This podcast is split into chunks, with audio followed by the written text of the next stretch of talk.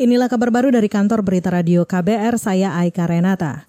Pusat Studi Hukum dan Kebijakan PSHK mendesak Presiden Joko Widodo dan DPR menunda pembahasan rancangan undang-undang RUU yang ada di program legislasi nasional Prolegnas 2020. Peneliti hukum dari PSHK Fajri Nur Syamsi menyatakan RUU Omnibus Law Cipta Kerja merupakan salah satu RUU yang harus ditunda pembahasannya di tengah pandemi COVID-19 mendesak kepada DPR dan Presiden terutama untuk menunda seluruh agenda legislasi yaitu pembentukan atau pembahasan rancangan undang-undang yang ada di Prolegnas 2020 termasuk beberapa RUU yang sebenarnya mendapat penolakan dari publik terutama rancangan undang-undang tentang Omnibus Cipta Kerja. Peneliti hukum PSHK Fajri Nur Syamsi menjelaskan pembahasan RUU Omnibus Cipta Karya sangat kontradiktif dengan penetapan status bencana nasional COVID-19 dari pemerintah. Selain itu berlanjutnya pembahasan RUU berpotensi menimbulkan kontroversi di publik karena ada masalah prioritas yang harus diselesaikan pemerintah di tengah pandemi ini. PSHK meminta DPR fokus dan kritis mengawasi seluruh kebijakan yang dikeluarkan oleh pemerintah dalam penanganan COVID-19. Kita beralih, Saudara. Survei Kementerian Desa dan Pembangunan Daerah Tertinggal menyebut hampir 90 persen kepala desa di Indonesia tidak setuju warganya mudik ke kampung halaman di masa pandemi COVID-19.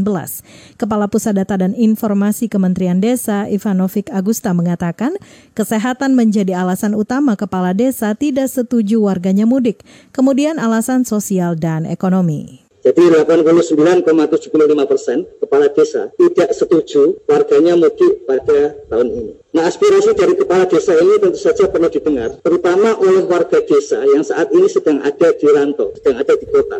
Kepala Pusat Data dan Informasi Kementerian Desa Ivanovic Agusta menambahkan dari survei yang sama, hampir 50 persen kepala desa setuju ada kebijakan pembatasan mudik hanya dengan imbauan seperti yang dilakukan oleh pemerintah saat ini. Sedangkan lebih dari 50 persen kepala desa setuju ada larangan mudik.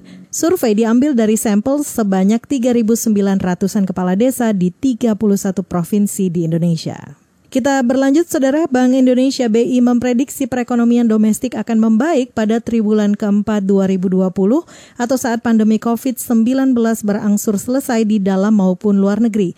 Saat mengumumkan hasil rapat Dewan Gubernur periode April, Gubernur Bank Indonesia Peri Warjio juga memprediksi pertumbuhan ekonomi Indonesia 2020 ada di angka 2,3 persen.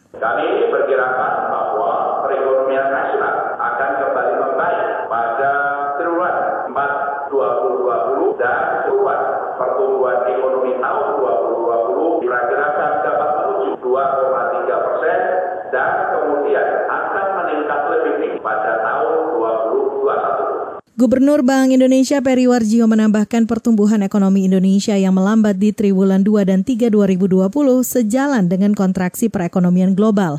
Menurutnya perlambatan ekonomi saat ini dialami hampir seluruh negara di dunia akibat pandemi COVID-19. Peri optimis perbaikan akan mulai berlangsung di awal triwulan 4 2020 diiringi dengan meningkatnya nilai tukar rupiah terhadap dolar Amerika. Demikian kabar baru dari kantor Berita Radio KBR, saya Aika Renata.